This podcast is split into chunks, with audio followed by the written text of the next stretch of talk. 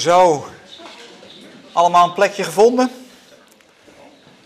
Hartelijk welkom op een uh, open studieavond van de stichting In Perspectief. Nou, de meeste mensen heb ik wel eens eerder gezien, een enkel uh, nieuw gezicht.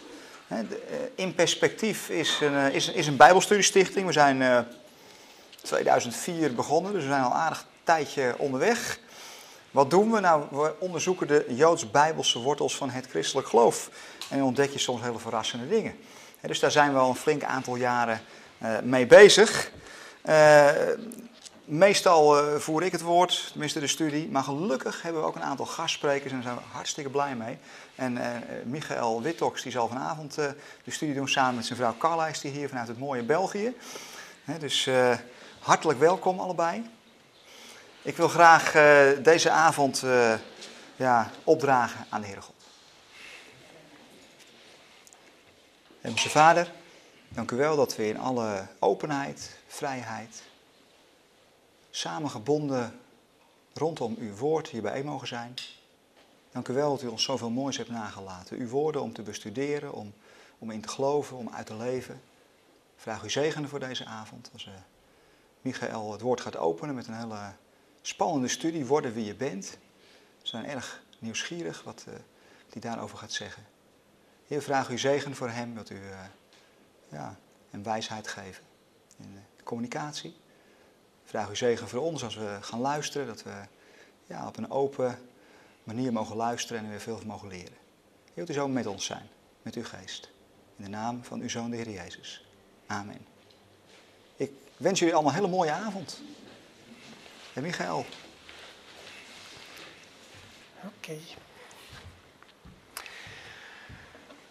Uh, vanavond gaan we het dus hebben over, zoals je ziet staan, worden wie je bent. Het wordt een echte studieavond en uh, er zullen heel wat bijbelteksten vanavond genoemd worden.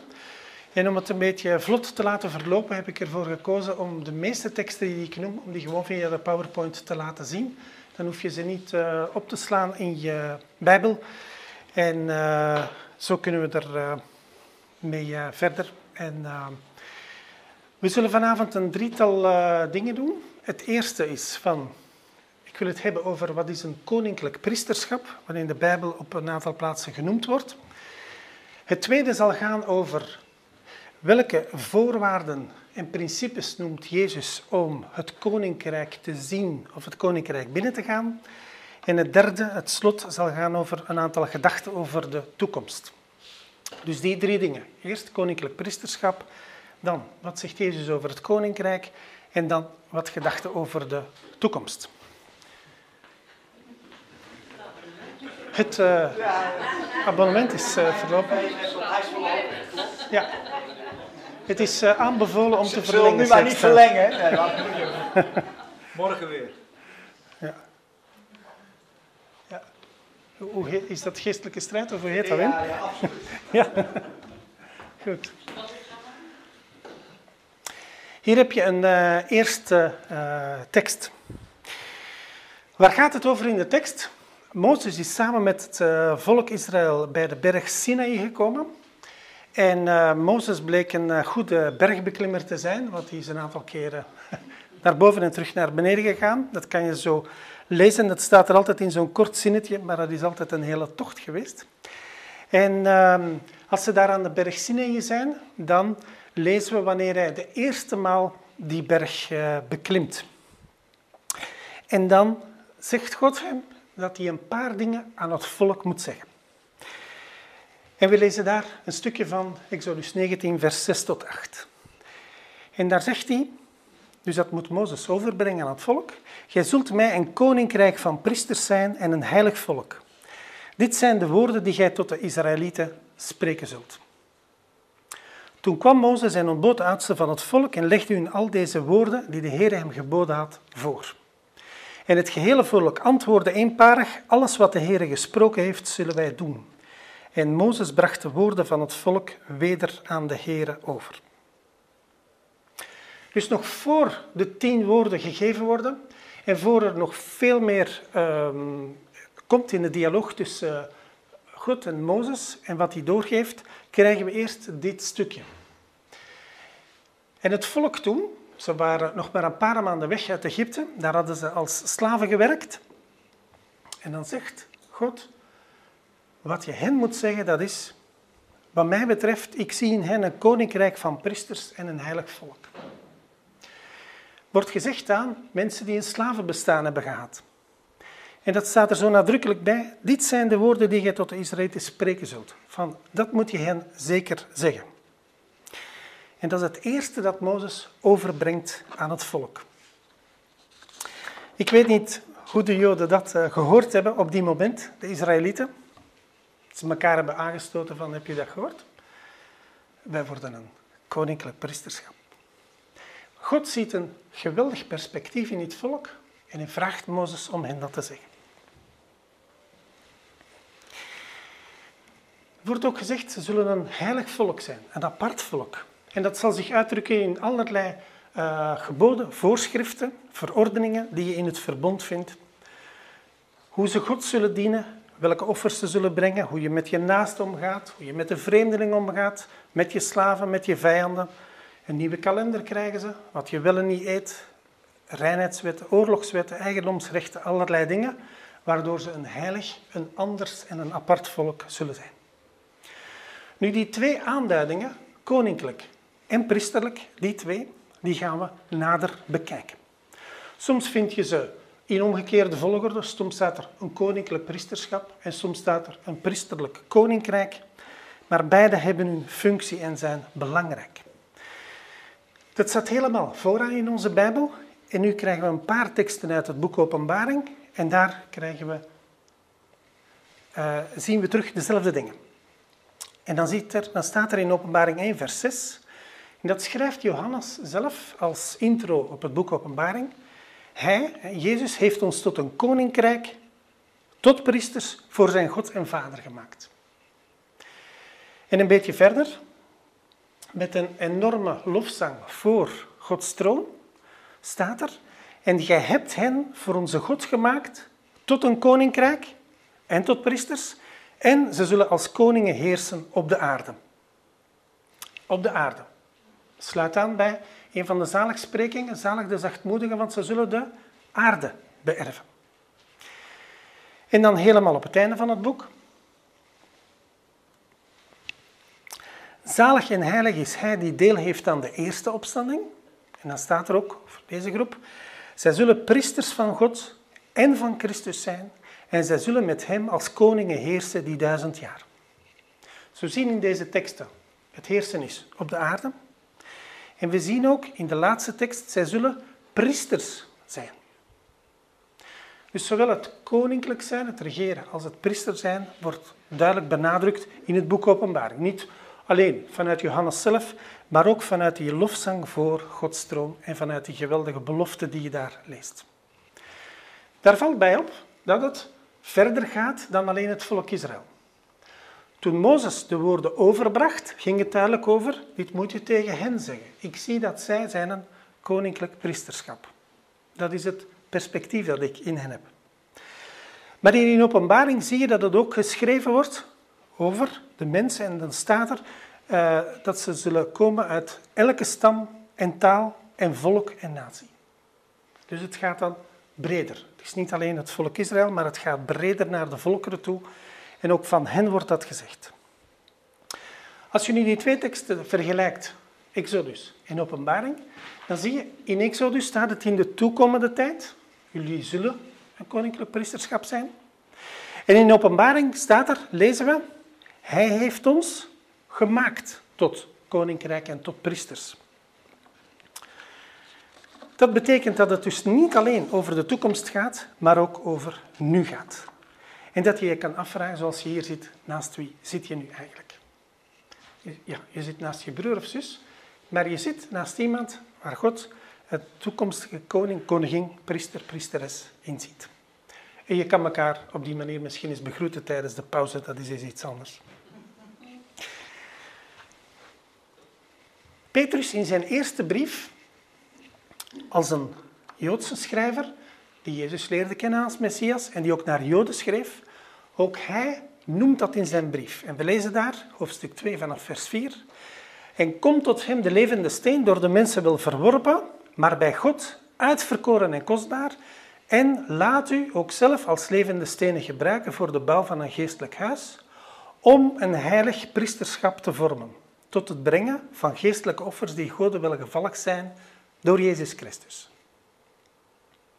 En een beetje verder, in datzelfde hoofdstuk, Gij echter zijt een uitverkoren geslacht, een koninklijk priesterschap. Je ziet dat hij die woorden terug oppikt die we lazen in Exodus. Een heilige natie, een volk God ten eigendom, om de grote daden te verkondigen van hem die u uit de duisternis geroepen heeft tot zijn wonderbaar licht. U, eens niet zijn volk, nu echter Gods volk. En eens zonder ontferming en nu in zijn ontferming aangenomen. Je ziet hier dat hij schrijft, ik zal even de vorige terugnemen. Laat u gebruiken. Dat klinkt een beetje manipulatief. Hè? Laat u gebruiken voor de bouw van een geestelijk huis. En ook om een heilig priesterschap te vormen. Dat duidt dus op een proces. Dat duidt op iets in beweging. Het is dus niet automatisch. Het is niet zo dat het in één keer gebeurt. Dat je, ik zal maar zeggen, bij je bekering ben je ineens inderdaad ook koninklijk en priesterlijk. Hij zegt, laat je ertoe gebruiken. Leer het om daarin gevormd te geraken. Het is dus een stukje training. En vandaar ook de titel van deze studie, Worden wie je bent. Onze vorming nu als gelovigen, die staat in relatie tot een taak die we later zullen hebben. Maar hoe leer je nu om priester te worden? Hoe leer je nu om koning te zijn? Om koning te worden? Wat is de invulling die Petrus daaraan gaf? Je ziet die aansluiting bij Exodus in elk geval en dan schrijft hij het brengen van geestelijke offers. Wat is dat? En Gods grote daden verkondigen. Dat klinkt al iets concreter, maar het blijft toch een beetje algemeen. Maar je ziet dat hij die tekst belangrijk vindt en je ziet dat hij in het eerste hoofdstuk van zijn brief noemt hij ook van je zult heilig zijn omdat God heeft gezegd ik ben heilig. Wees heilig, want ik ben heilig. Daarover straks meer. Dat is nu eventjes algemeen genoemd, maar we gaan er zelfs nog iets meer op inzoomen. De grote daden van God verkondigen, dat lazen we. Dat was de opdracht voor het volk en dat lezen we ook bij de profeten terug. In Jesaja 43 kan je dat lezen, dat er staat, naar het volk toe, gij zijt mijn getuigen. Jullie moeten vertellen dat er maar één God is en dat ik jullie God ben en andere volkeren die mogen ook mee getuigen komen. Het wordt een beetje als een rechtszaak voorgesteld. En dan zegt hij, de anderen moeten inzien dat ik het ben, dat ik dezelfde ben. Voor mij is er geen God geformeerd en aan mij zal er geen zijn. Ik ben de Heer en buiten mij is er geen verlosser. En van die verlossing en van die machtige daden, die mag je gaan verkondigen. En zo schrijft Petrus dat ook van, dat is een taak die je hebt. Als je de verlossing hebt leren kennen, dat je daarvan vertelt en dat je die verkondigt naar anderen toe. Dat is een priesterlijke taak. In Jesaja 61, vers 6 lezen we, maar gij zult priesters des Heren heten, dienaars van onze God genoemd worden. Dat gebeurt dikwijls in de Bijbel, dat eenzelfde iets tweemaal gezegd wordt, maar een beetje anders verwoord. En hier zie je heel duidelijk, wie is een priester? Dat is een dienaar van God. Je zou kunnen zeggen, het heeft veel facetten, maar het priester zijn heeft iets meer het accent op het dienen van God. En het koning zijn heeft meer het accent op het dienen van mensen. Maar dan zitten we toch wel een beetje met een vraag. Want als iedereen wordt opgeroepen tot priester zijn, waarom zijn er dan aparte priesters bij het volk? Waarom zijn er dan priesters en levieten? Waarom wordt dat hele volk priester genoemd? En je hebt toch ook specifieke koningen, je hebt mensen die regeren, mensen die besturen, je hebt rechters. Waarom zouden we dan allemaal koning moeten worden?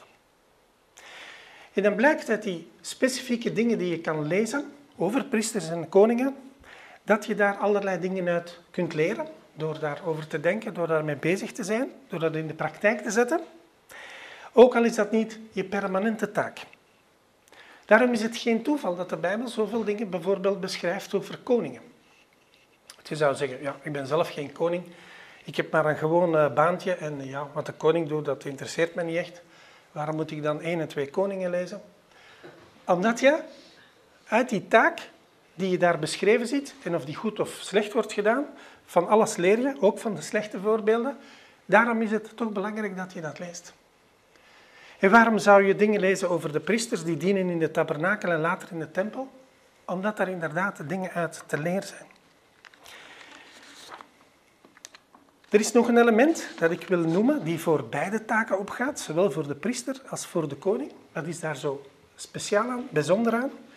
Ze worden beiden gezalfd.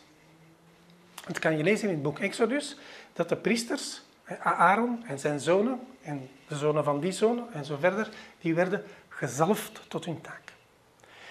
En dat kan je ook lezen van koningen. Zoals koning Saul die werd gezalfd, David die werd gezalfd en zo verder. En telkens zie je dat terugkeren.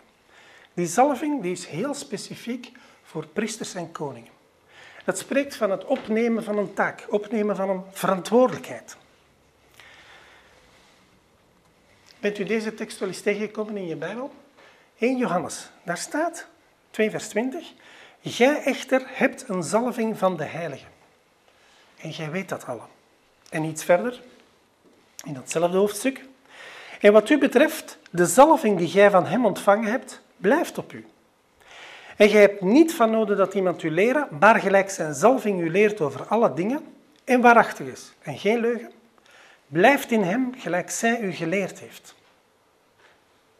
Misschien vindt u dat een beetje een vreemde tekst, maar als je bedenkt dat Johannes, die het boek Openbaring schreef, die schreef ook van, hij heeft ons gemaakt tot priesters en koningen. Dat hebben we daar straks gelezen.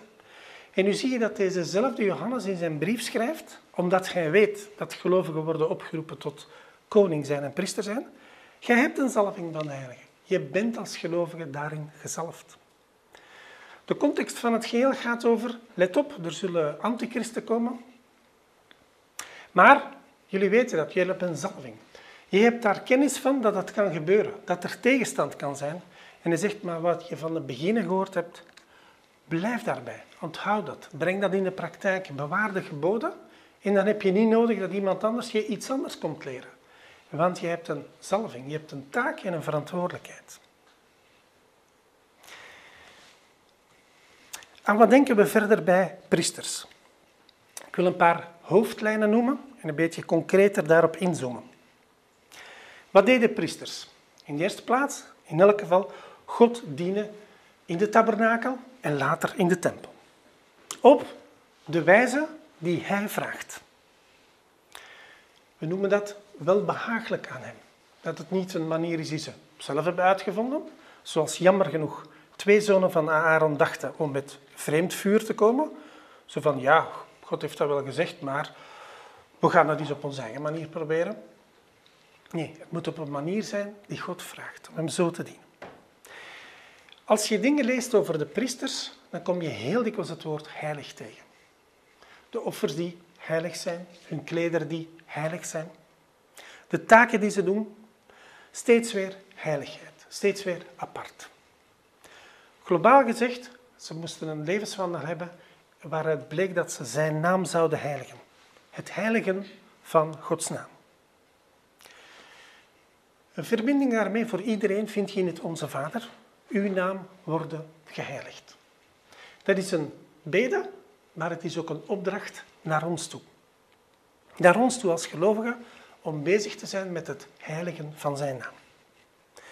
En als je dan terugkijkt naar die eerste Petrusbrief en je leest die eens een keer door, dan merk je hoeveel hij schrijft van hoe je gedrag is onderling naar elkaar toe en naar de buitenwereld toe. En hij schrijft, al heb je met lijden te maken, al maken mensen het je moeilijk, zie dat, je, uh, dat jouw houding goed blijft. Zie dat als, je, als er kwaad naar je geschiet, dat je niet met kwaad terug antwoordt. Dat je leert om te volharden in het lijden.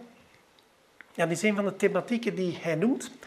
En eh, dan zie je hoe dat, dat voor Petrus, dat priesterschap, dat dat eigenlijk enorm leeft en dat hij dat doorheeft van het moet gaan over hoe je woorden, je gedrag en je daden zijn. En dat is heiligen van de naam. Hij schrijft verderop in die brief, als iemand woorden spreekt, laten het woorden zijn als van God. Als iemand iets doet, laat het zijn uit kracht door God verleend. Zegt dat uit alles blijkt dat Gods naam daarin geheiligd wordt. Tot er iemand toe schrijft hij in zijn brief, wordt nuchter. Van, besef goed waar het op aankomt. Jouw gedrag wordt gezien door de buitenwereld. Vergeet dat niet. Mensen zien wat je zegt, mensen zien wat je doet. En zoals je weet, daden die kunnen soms harder spreken dan woorden. En Petrus die zegt ook, als mensen je belasteren, maar als ze er wat meer uh, met jou in contact komen, dat ze toch merken dat al van die, die kwade dingen en die laster die ze gehoord hebben, dat er blijkt niks van waar te zijn. En hij zegt, als je dan toch leidt, leid dan als christen. Leid dan niet als een bemoeial of als een dief. Met andere woorden, laat er niet een andere aanleiding zijn waarom mensen kritiek op je kunnen hebben. Als priester ben je zijn ambassadeur.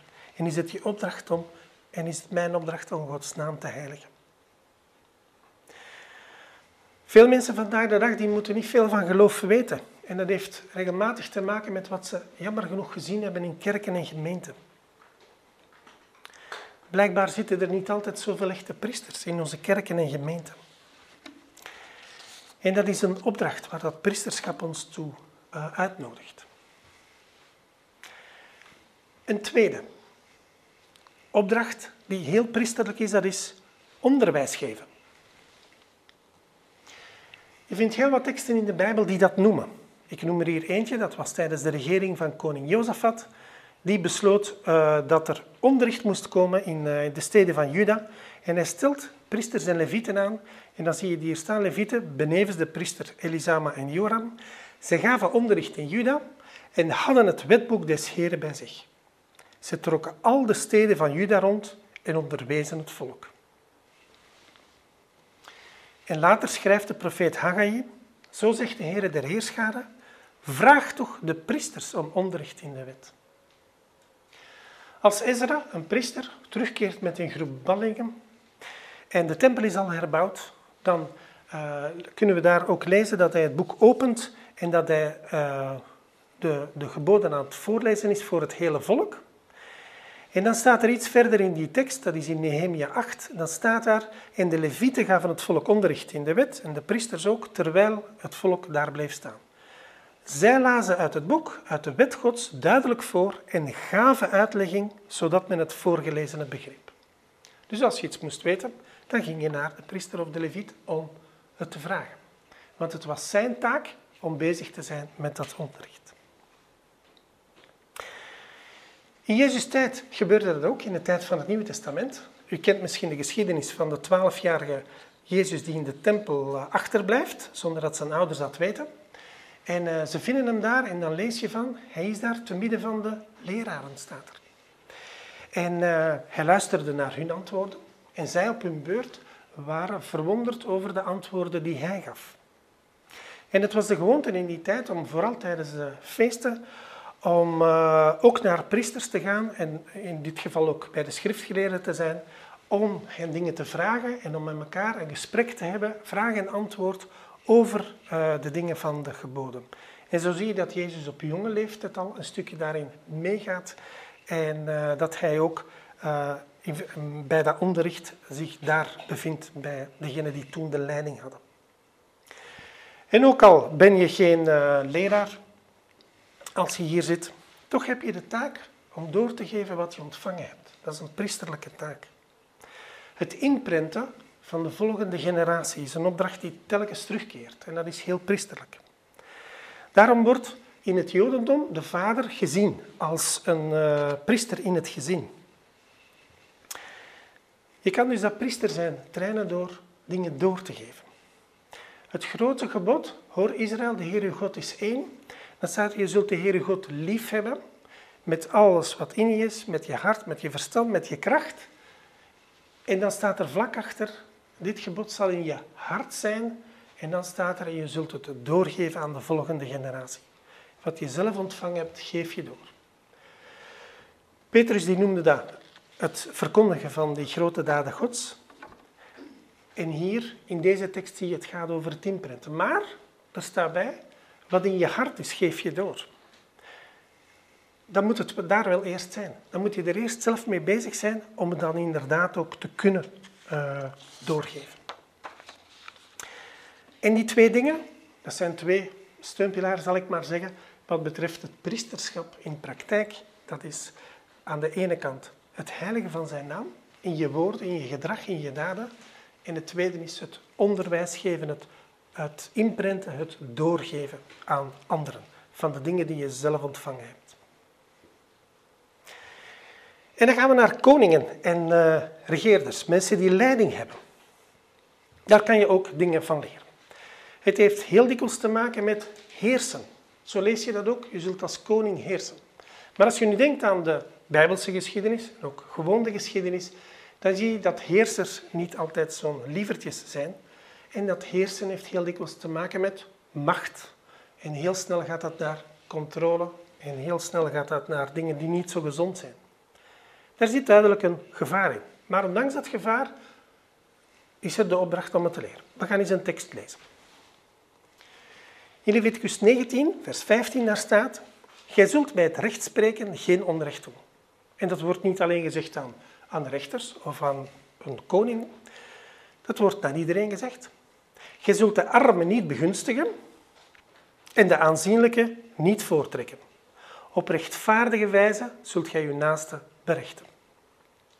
En nogmaals, je zou kunnen zeggen, maar ik heb niks met rechtszaken en ik ben geen rechter. Maar dit wordt aan iedereen gezegd, aan heel het volk gezegd. Je moet leren om dingen te beoordelen. Jezus zegt dat ook een keer. Oordeelt niet naar het aanzien, maar oordeelt met een rechtvaardig oordeel. Soms denken we wel eens als gelovigen van, uh, of denken we sneller aan een tekst van uh, oordeel niet en je zult niet geoordeeld worden. Van, het is gevaarlijk, daar kun je je vingers aan branden, kan je beter niet aan beginnen. Maar Jezus geeft hier die opdracht, je moet het wel leren. Zonder aanzien des persoons en op een rechtvaardige manier. Dat leer je. Veroordelen mag niet, maar beoordelen wel. Ook al is dat niet eenvoudig.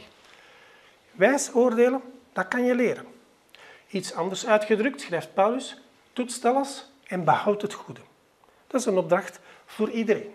Dat is niet van, en nu schrijf ik aan de oudste van de gemeente, jullie moeten de dingen toetsen en het goede behouden. Nee, dat is voor heel de gemeente. Dat is voor ons allemaal.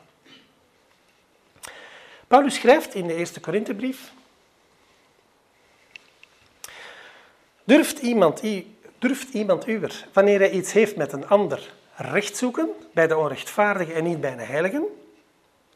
Of weet gij niet dat de heiligen de wereld zullen oordelen?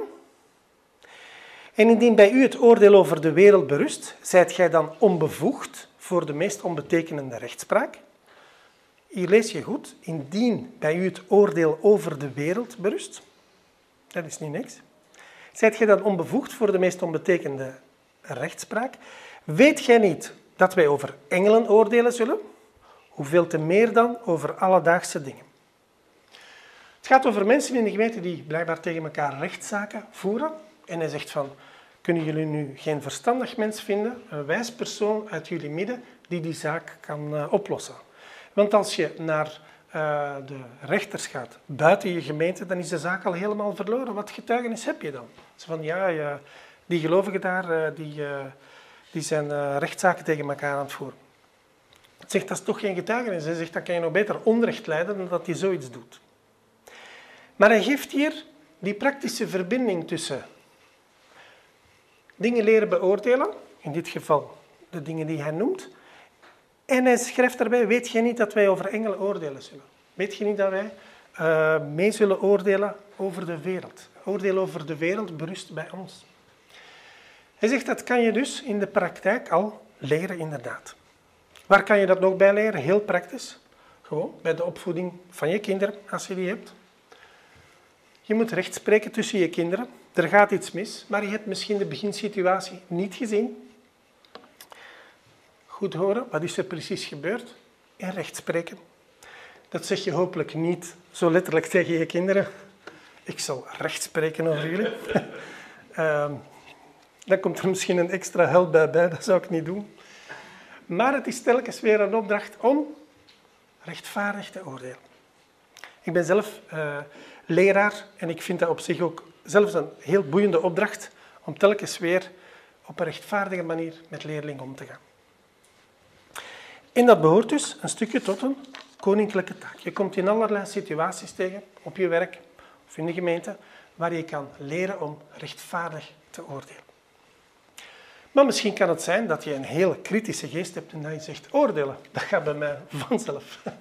Dan moet je denk ik een stapje terug doen en even goed de beginsituatie inschatten of proberen te weten komen voor je het zegt.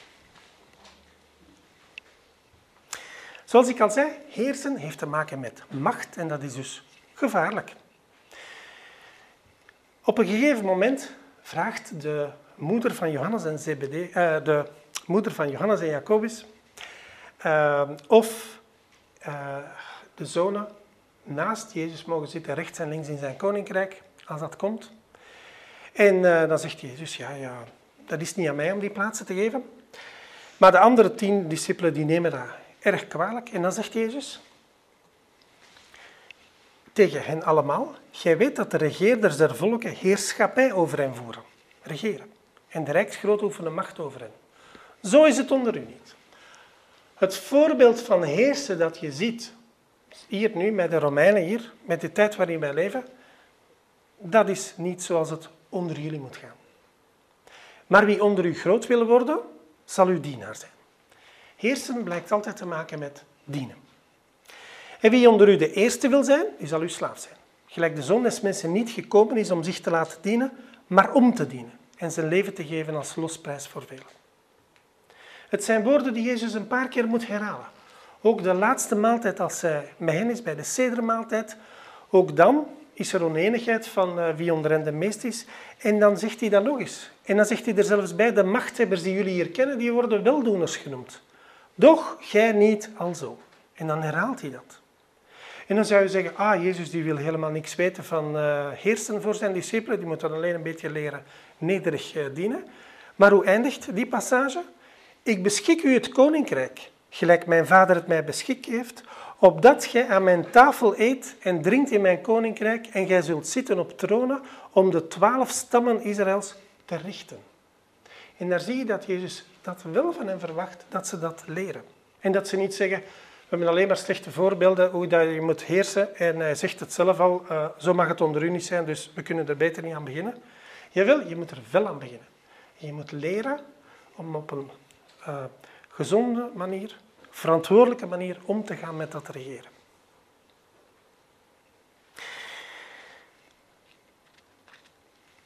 In het boek Deuteronomium kan je lezen dat uh, het kon zijn dat het volk een koning wou.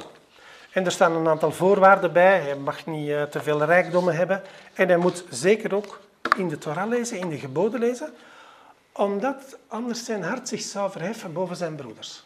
Hij moet daarin lezen om tot het besef te komen, ik ben ook maar gewoon een mens. En het is niet omdat ik als koning mij gezalfd en aangesteld dat ik meer ben. Maar u weet het, uiteindelijk wilden ze een koning en dat liep heel moeizaam ten tijde van Samuel. En dan zegt de Heer uiteindelijk tegen Samuel, stel dan toch maar een koning aan, zalf een koning. Maar je moet hen heel duidelijk zeggen hoe het optreden van die koning zal zijn.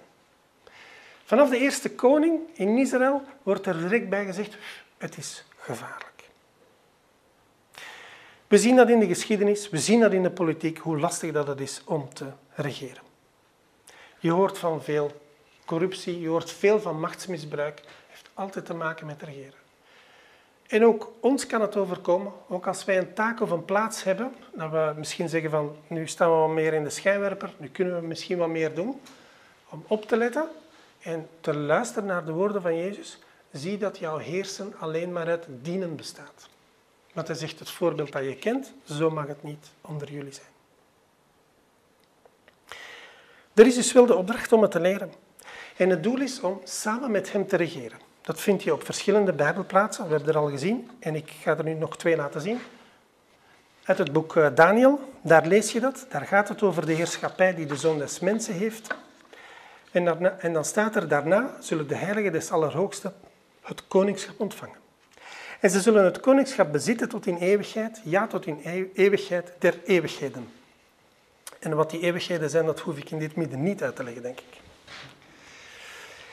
En het koningschap, de macht en de grootheid der koninkrijken onder de ganse hemel zal gegeven worden aan het volk van de heilige des Allerhoogsten. Zijn koningschap is een eeuwig koningschap en alle machten zullen het dienen en gehoorzamen.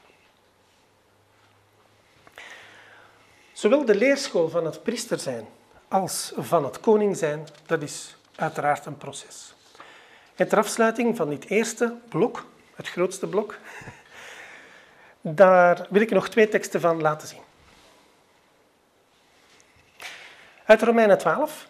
Ik vermaan u dan, broeders, met beroep op de barmhartigheden Gods, dat gij uw lichamen stelt tot een levend, heilig en gode welgevallig offer. Dit is uw redelijke eredienst. Wat valt erop in die tekst? Dat het heel erg een priestercontext heeft. Zie je dat? wordt gesproken over een offer, over een welgevallig offer, over een heilig offer en er wordt gesproken over eredienst. En dat staat er in het volgende vers. En wordt niet gelijkvormig aan deze wereld, maar wordt hervormd door de vernieuwing van uw denken. Dat is een proces, proces om te leren, als priester, als koning te zijn. Opdat jij mocht erkennen wat de wil van God is. Het goede, welgevallige en volkomene. Hier staan drie dingen over de wil van God. En wat is het beste van de drie? Als je zou mogen kiezen, wat is het best? Goed, welgevallig of volkomen? Dat is volkomen. Dat is het hoogste niveau. Wat is het laagste niveau? Dat is het gewoon goede. En daartussenin heb je welgevallig. Zo heb ik dat bijvoorbeeld ook in mijn uh, uh, lesgeven als pianoleraar. Ik kan aan leerlingen zeggen van, wat je nu gedaan hebt, dat is al goed. Maar er kunnen nog dingen anders zijn. Het kan nog beter worden. Het kan wel gevallig worden. Ik gebruik niet letterlijk die woorden voor mijn leerling, want anders denkt hij van, ik heb maar een vreemde leraar, ik ga volgend jaar bij iemand anders. Maar als het volkomen is, dan heb ik daar niks meer op te zeggen. En die drie trappen, die kom je in omgekeerde zin een beetje tegen in een tekst in Leviticus. Ik weet niet dat Paulus het met opzet zo geschreven heeft, daarom. Misschien is het uh, toeval. Maar hier staan de trappen in omgekeerde volgorde in het begin van Leviticus 19. Let op. De Heere sprak tot Mozes, spreek tot de ganse vergadering der Israëlieten en zegt tot hen, heilig zult gij, want ik de Heere uw God ben heilig. Dat is de hoogste trap, heiligheid. Dan komt een trapje lager. Ieder zal voor zijn moeder en zijn vader ontzag hebben en mijn sabbatten houden. Ik ben de Heere uw God. Waarom zeg ik dat dat een trapje lager is? Hier gaat het over het, dat je het goede gebod doet. Maar dat betekent nog niet, je kan dat ook doen omwille van misschien wat andere motieven, dat je dat ontzag hebt en dat je die sabbat houdt in dit geval, maar je doet in elk geval een positief gebod. En dan komt de laagste trap. Gij zult u niet tot de afgoden wenden en u geen gegoten beelden maken. En nou, terug erbij, ik ben de Heere uw God. De laagste trap is dat je hetgeen dat je niet mag doen, dat je dat ook niet doet. Dat je geen verbod overtreedt. Maar u snapt wel, als je zegt van, ik ga het kwade niet doen, dan kun je nog altijd rustig op je stoel blijven zitten, maar dat betekent nog niet dat je het goede gaat doen. En dat zie je in verschillende teksten, en ik lees er eentje voor uit Psalm 34. Bewaar uw tong voor het kwade en uw lippen voor het spreken van bedrog. Wijk van het kwade. Dat is de laagste trap. Zie je dat je wijk van het kwade? En doe het goede. Dat is de hoge trap. En dan staat er, zoek de vrede en jaag die na. Wees daar nu mee bezig om op elk terrein van je leven naar vrede te zoeken. En dan merk je, dat is een ander niveau. soms zeggen mensen, ik ga niks doen, dan kan ik ook niks verkeerd doen. En op zich, al oké dat je niks verkeerd doet, maar het moet een hogere trap worden. En zo zie je dat daar verschillen zijn, en ook in met welke motivatie dat je dingen doet. Maar dat je niet alleen zegt van, ik ga niks proberen, hè, want dan ben je degene die het ene talent begraaft en daar niet mee werkt. Het tweede blok, dat gaat over de uh, principes en de voorwaarden om het koninkrijk te zien of binnen te gaan. Vanwaar het verband? Wel, bij koninklijk, koning zijn, hoort uiteraard koninkrijk. Het is een andere invalshoek, maar het helpt evengoed om ermee bezig te zijn. Ik las onlangs een uh, Chinese zegswijze en daar stond: Je kan op verschillende manieren de berg beklimmen, maar eens boven is het uitzicht altijd hetzelfde. En zo denk ik ook, als je de schrift leest, dat je vanuit verschillende kanten op eenzelfde iets kunt komen. En vandaar een beetje een ander invalshoek. Jezus sprak uiteraard veel over het koninkrijk en zeker niet als een, alleen maar iets in de toekomst. Toen hem de vraag is gesteld wordt van uh, wanneer komt dat koninkrijk, toen zei hij, het komt niet zo dat het te berekenen is. En ook zal men niet zeggen, het is hier of het is daar. Want zie, het koninkrijk Gods is bij u. De vraag die ons bezighoudt is, ben je als gelovige automatisch in het koninkrijk? Ben je automatisch in dat nieuwe land gekomen en snap je direct alle leefregels, spelregels die daar zijn? We gaan naar een aantal teksten kijken uit het onderwijs van Jezus erover. En je kan die teksten ook zien als een soort checklist voor jezelf. Van in hoeverre leef ik daarin? Zie ik het? Ben ik daar binnengegaan? Een paar ga ik laten zien en een aantal die noem ik gewoon. Zalig de armen van geest, want hun is het koninkrijk. Zalig de vervolgde, om der gerechtigheid wil, want hun is het koninkrijk. Uit de bergreden was dat, en dit ook. Want ik zeg u, indien uw gerechtigheid niet overvloedig is, meer dan die der schriftgeleerden en fariseeën, zult gij het koninkrijk der hemelen voorzeker niet binnengaan. Oei, dat is een scherpe. Je zult het voorzeker niet binnengaan als je gerechtigheid niet overvloedig is. Iets verder in die bergreden zegt hij, niet ieder die zegt Heere, Heere, zal het koninkrijk der hemelen binnengaan, maar wie doet de wil van mijn vader? Het blijkt mogelijk dat er mensen hem Heer noemen, en zelfs mensen die zeggen, we hebben allerlei dingen in je naam gedaan, en hij zegt, ik ken je niet, werker van wetteloosheid. Als je je niet aan die geboden houdt, als je niet met die rechtvaardigheid en met die gerechtigheid bezig bent, dan zit het niet goed. Verderop in het Matthäus-evangelie, voorwaar ik zeg u, wanneer gij u niet bekeert en wordt als de kinderen, zult gij het koninkrijk der hemelen voorzeker niet binnengaan. Nog eens, voorzeker niet binnengaan. Wie nu zichzelf gering zal achten als dit kind, die is de grootste in het koninkrijk der hemelen. De vergelijking met kinderen en het koninkrijk komt regelmatig in teksten terug. Voor zodanigen is het koninkrijk der hemelen. Ja? Uh, en een beetje verder zie je dat nog eens. Wie het koninkrijk gods niet ontvangt als, het kind, als een kind, zal het voorzeker niet binnengaan. Hier gaat het om de vergelijking. Uh, en de vergelijking is dat je jezelf gering acht als het kind. Je kan niet alles vergelijken met kinderen en zeggen van alles wat kinderen doen, dat gaat allemaal over het koninkrijk. Let op het punt van vergelijking. Uh, ik hoor wel eens en ik lees wel eens over geloven als een kind. Of je moet een kinderlijk geloof hebben. En tegenwoordig heb je van die zoeksites en je kan je gewoon intikken en dan kan je dat zien. En wat bleek? Ik heb geen enkel tekst gevonden waar dat in stond. Maar je gering achten als een kind, dan ben je de grootste in het koninkrijk. Jezelf niet belangrijk achten. Dat is een voorwaarde. Uit het Johannesevangelie. Voorwaar, voorwaar, ik zeg u, tenzij iemand wederom geboren wordt, kan hij het koninkrijk gods niet zien. Op een volgende vraag van Nicodemus antwoordt Jezus, tenzij iemand geboren wordt uit water en geest, kan hij het koninkrijk gods niet binnengaan. Verder zegt Jezus ook nog dat het voor een rijk heel moeilijk is om in dat koninkrijk binnen te komen. En u kent het wel dat het gemakkelijker is dat een kameel gaat door het oog van een naald. En hij zegt ook, het is beter dat je met één oog het koninkrijk gods binnengaat, dan dat je met twee ogen in de hel geworpen wordt. Het is dus blijkbaar niet automatisch als je gelooft of als je zegt, ik heb Jezus een keer aanvaard als mijn Heer, dat je dan ook echt in het koninkrijk leeft, de spelregels, de leefregels daar kent. Het is als komen in een nieuw land waarin je die dingen moet leren. En misschien dat je voor je bekering inderdaad jezelf heel erg belangrijk vond en dat het misschien heel lastig is om het te leren. Maar het valt allemaal te leren. Dat is altijd goed nieuws.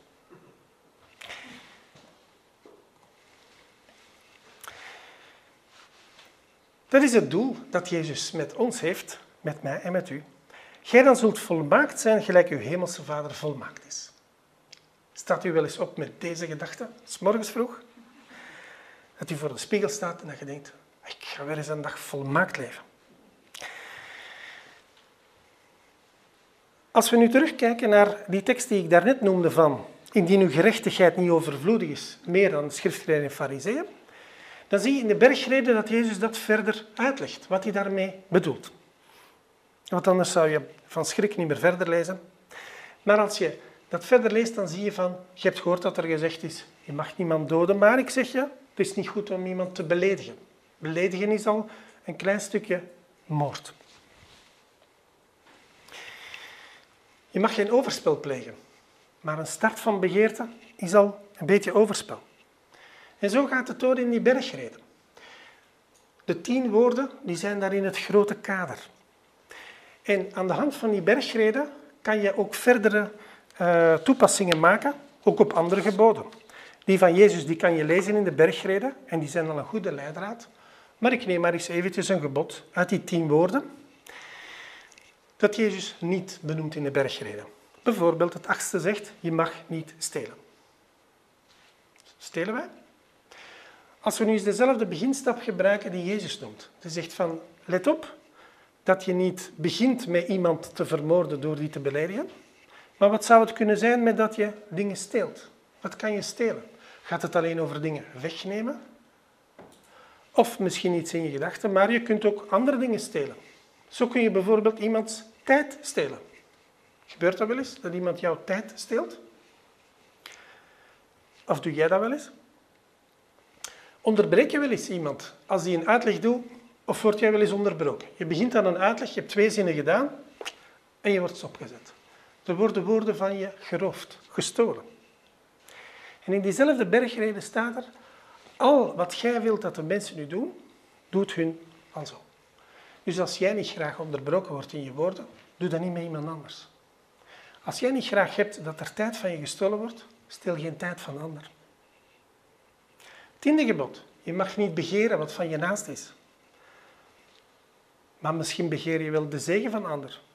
Misschien ontvangt een broer of een zus veel meer dan jij en jij niet. En je zit maar te bidden en er gebeurt niks. Begeer je dan de zegen van de ander? En zo kan je met die geboden bezig zijn en telkens zoeken van wat zijn nog invalshoeken. En daarin train je jezelf. En wordt het meer en meer duidelijk hoe je in dat koninkrijk mag leven. Ik noem er uit Leviticus 19. Daar staat bijvoorbeeld, jij zult niet wraakzuchtig zijn. Ik weet niet hoe wraakzuchtig u bent. Doen we dat? Wel, als het bijvoorbeeld uh, niet zo goed zit tussen uh, man en vrouw, dan kan er zo'n stilte zijn. En dan komt er een heel beroemde vraag na een hele tijd. En de vraag is, is er iets? En het antwoord daarop is even bekend, nee, er is niks.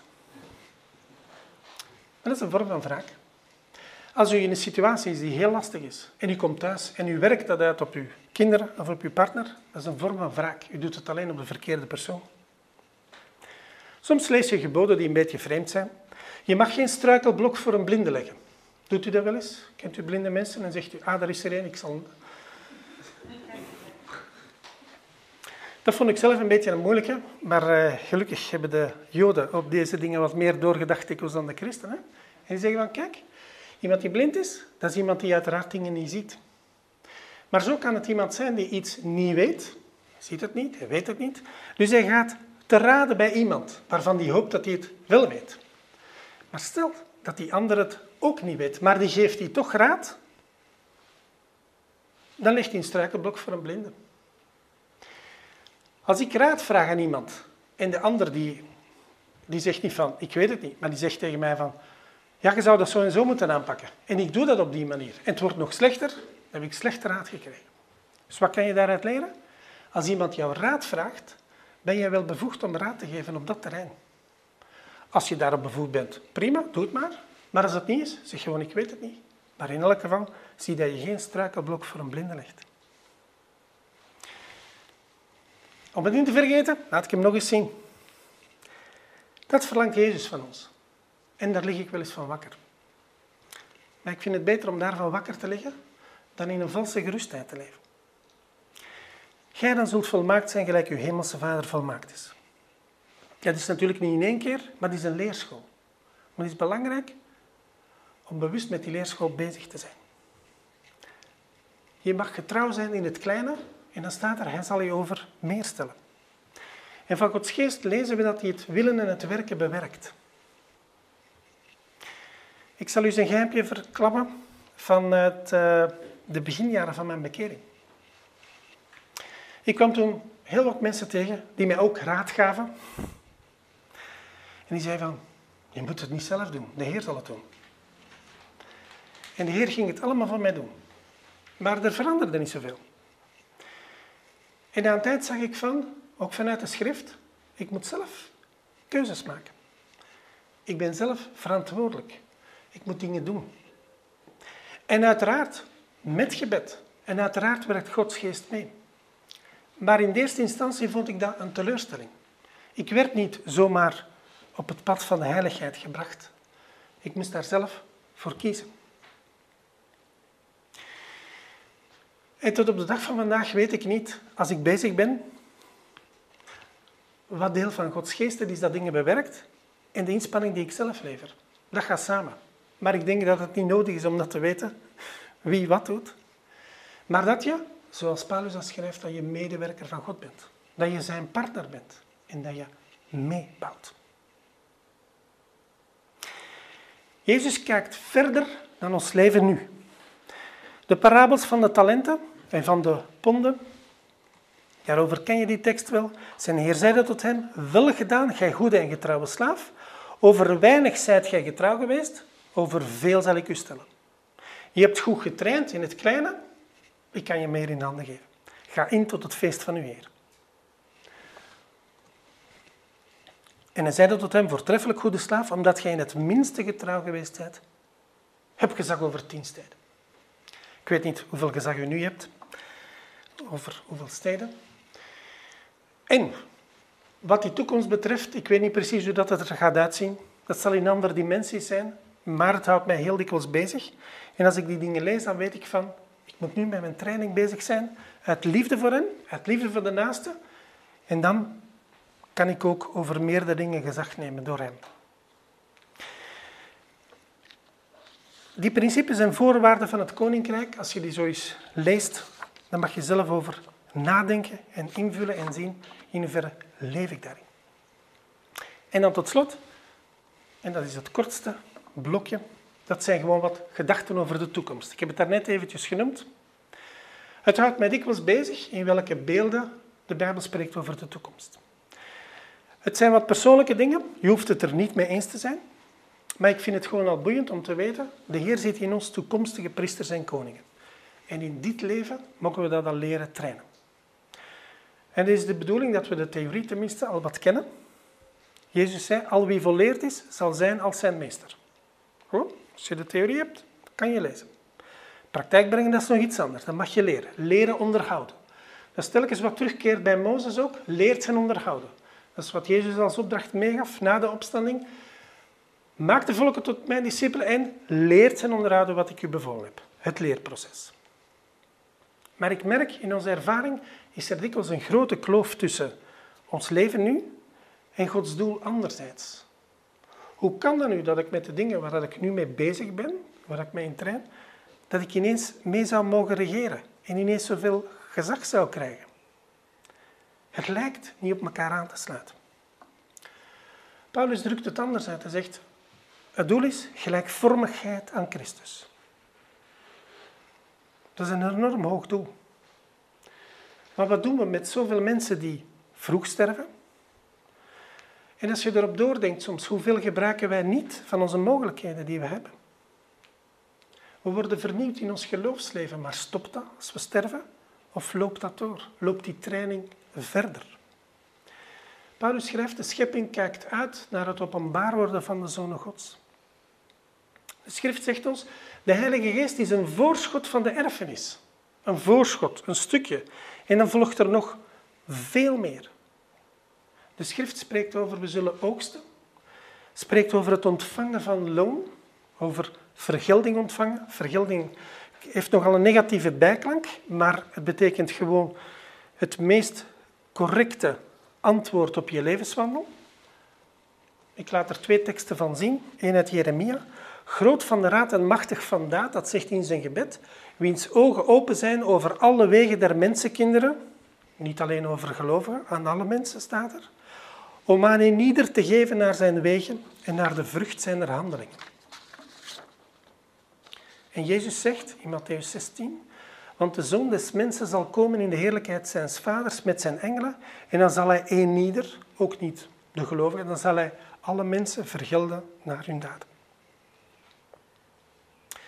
Paulus schrijft, er ligt een fundament, Christus, en daarop bouwen we. En de een bouwt met goed materiaal, de ander bouwt met slecht materiaal, maar het zal allemaal blijken welk werk dat stand houdt. Ik zal u vergelden, een ieder naar uw werken, zegt Jezus in een brief in openbaring. Helemaal op het einde van openbaring nog eens. Zie, ik kom spoedig en mijn loon is bij mij, om een ieder te vergelden naar dat zijn werk is.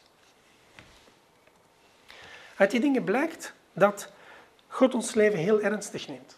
En misschien hebben we wel eens het idee of het gevoel van uh, mensen zien mij niet staan of vinden mij niet belangrijk. God vindt ons ontzettend belangrijk. We zijn de kroon van de schepping en hij houdt bij hoe wij leven. Hij ziet het aan met liefde, met barmhartigheid en met rechtvaardigheid. En hij zal het meest perfecte rapport uitschrijven over ons leven. En omdat God ons leven ernstig neemt, behoren wij dat ook te doen. Kerken en gemeenten zijn niet altijd heldere getuigenissen geweest. Het geloofsleven is dikwijls vernauwd geweest tot als je maar de juiste beleidenis zegt of de juiste traditie hebt. Als je maar één keer tot bekering komt, als je maar één keer voor Jezus gekozen hebt. Maar als ik die dingen in de schrift lees, dan zeg ik, dan begint het pas. Dan begint het pas, die, die training. Zo dikwijls staat er in de schrift het woord volharding, om verder te doen. Maar om daar ook vreugde in te vinden voor hem, het liefde voor hem. Dikwijls is er geen focus geweest op het leven in het koninkrijk nu al, als toekomstige priesters en koningen. Ik ken maar één duidelijk voorbeeld in de kerkgeschiedenis, maar ik ken niet zoveel van kerkgeschiedenis bij de Methodisten, met Wesley, uh, waarin ze in kleine groepjes bijeen waren, mensen die inderdaad bekeerd waren, om op elkaar toe te zien op hun geestelijk leven, om elkaar vragen te stellen en elkaar aan te vuren om telkens te groeien in hun geestelijk leven. En dat was de methode die ze gebruikt hebben, vandaar de naam de Methodist.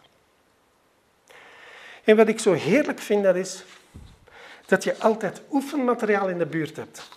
Er zijn altijd mensen die je tegenkomt. En daar kan je lekker mee oefenen. Om ze altijd te bejegenen op een manier zoals het past in het koninkrijk. Dit aardse leven is, is een weg en geen doel. Maar ik lees telkens dat Hij zorgt voor de voltooiing. En dat geeft ontspanning. Maar als in dit leven de vernieuwing geen omtovering is in één keer, heb ik het idee dat dat in de toekomst ook niet zo zal zijn. Maar nogmaals, het zijn persoonlijke gedachten. Wat mij ook opvalt aan de toekomst, dat is dat het er heel dikwijls niet uitziet als rusten. En zeker niet de eeuwige rust. Ik heb maar twee teksten gevonden waar er over rusten gesproken wordt in de toekomst. Voor de rest is er altijd iets te doen.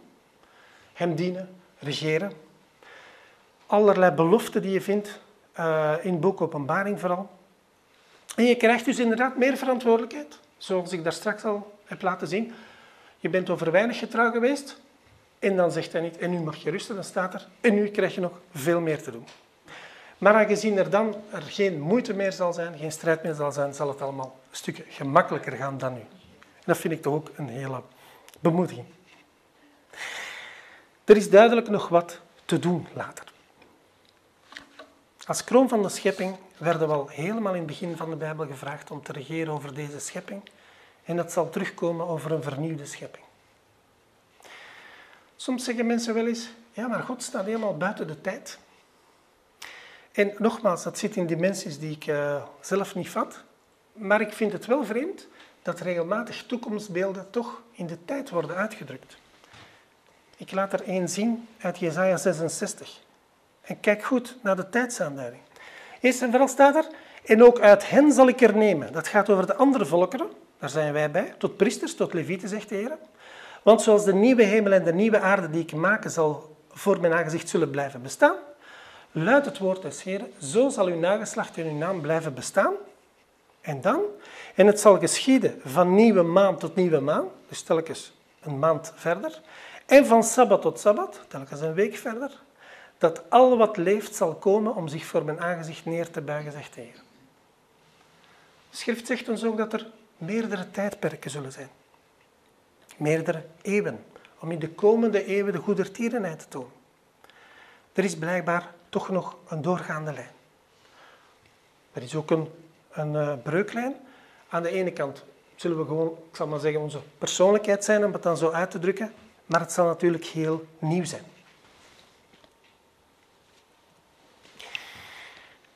Als Paulus dat noemt in de Korinthebrief, dan zegt hij op een uh, gegeven moment van hoe zal het zijn met dat opstandingslichaam? En dan zegt hij van dat zal heel anders zijn. Zoals er graan is dat je in de grond zaait en dan komt er ineens vrucht. Maar die vrucht die ziet er heel anders uit dan wat gezaaid is. Zegt zo zou je het sterfelijk lichaam en het geestelijk lichaam, het opstandingslichaam met elkaar kunnen vergelijken. Ze hebben met elkaar verband, doorgaat, maar er is ook een breuklijn. Het tweede ziet er heel anders uit. Maar het opmerkelijke is, als hij dat heel dan lang hoofdstuk schrijft over die opstanding, dat dit zijn laatste vers is. En dan staat er, daarom, juist omdat je weet dat die toekomst er zal zijn, met een doorgaande lijn en een breuklijn, maar met een geweldige toekomst, daarom weest standvastig, onwankelbaar, te allen tijden overvloedig in het werk des Heren, weten dat uw arbeid niet vergeefs is in de Heer. Zie je dat die aanmoediging daar alles te maken heeft met wat hij net over de toekomst beschreven heeft. En dan zie je dat hij zegt, daarom mijn geliefde broeders, ga rustig rusten als je een keer voor Jezus gekozen hebt. Nee, hij zegt, je moet standvastig zijn, overvloedig. Je moet bezig zijn met die training. En dat is een opdracht in het nu, met als motivatie die heerlijke toekomst.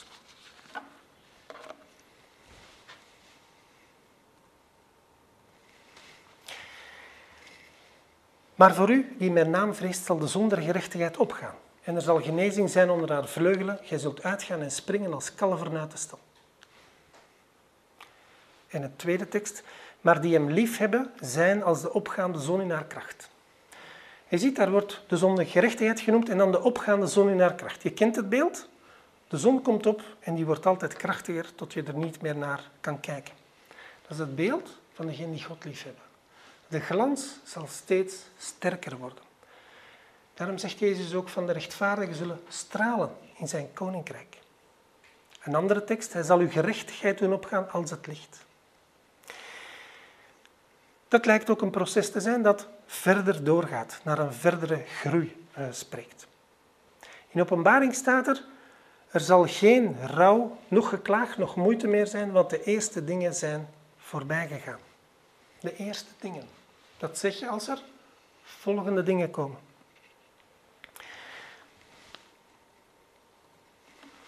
En de laatste. Hebreeën 12, 23, daar staat, jullie zijn genaderd tot een plechtige vergadering. Een feestelijke en een plechtige vergadering van eerstgeborenen die ingeschreven zijn in de hemelen. En tot God, de rechter over allen. En tot de geesten der rechtvaardigen die de voleinding bereikt hebben. Ook dat lijkt mij te spreken van een proces dat zich nog verder doorzet tot er een volleinding zal zijn. En ik las onlangs in mijn Bijbel Efeze hoofdstuk 2, een tekst die ik al heel lang ken en ik dacht, zou Paulus dat nu ook voor de toekomst bedoeld hebben? Ik lees hem u. Om in de komende eeuwen de overweldigende rijkdom van zijn genade te tonen. Want door genade zijt gij behouden door het geloof, dat niet uit uzelf, het is een gave van God, niet uit werken, omdat niemand roemen. En dan komt het, want zijn maaksel zijn wij, in Christus Jezus geschapen om goede werken te doen, die God tevoren bereid heeft, opdat wij daarin zouden wandelen. En toen dacht ik, dat kan ik wel lezen in de tegenwoordige tijd, maar misschien bedoelde Paulus het ook wel voor de toekomst, dat God ook nu dingen aan het voorbereiden is, voor u en voor mij, opdat wij daarin zouden wandelen. Dat was de studie voor vanavond.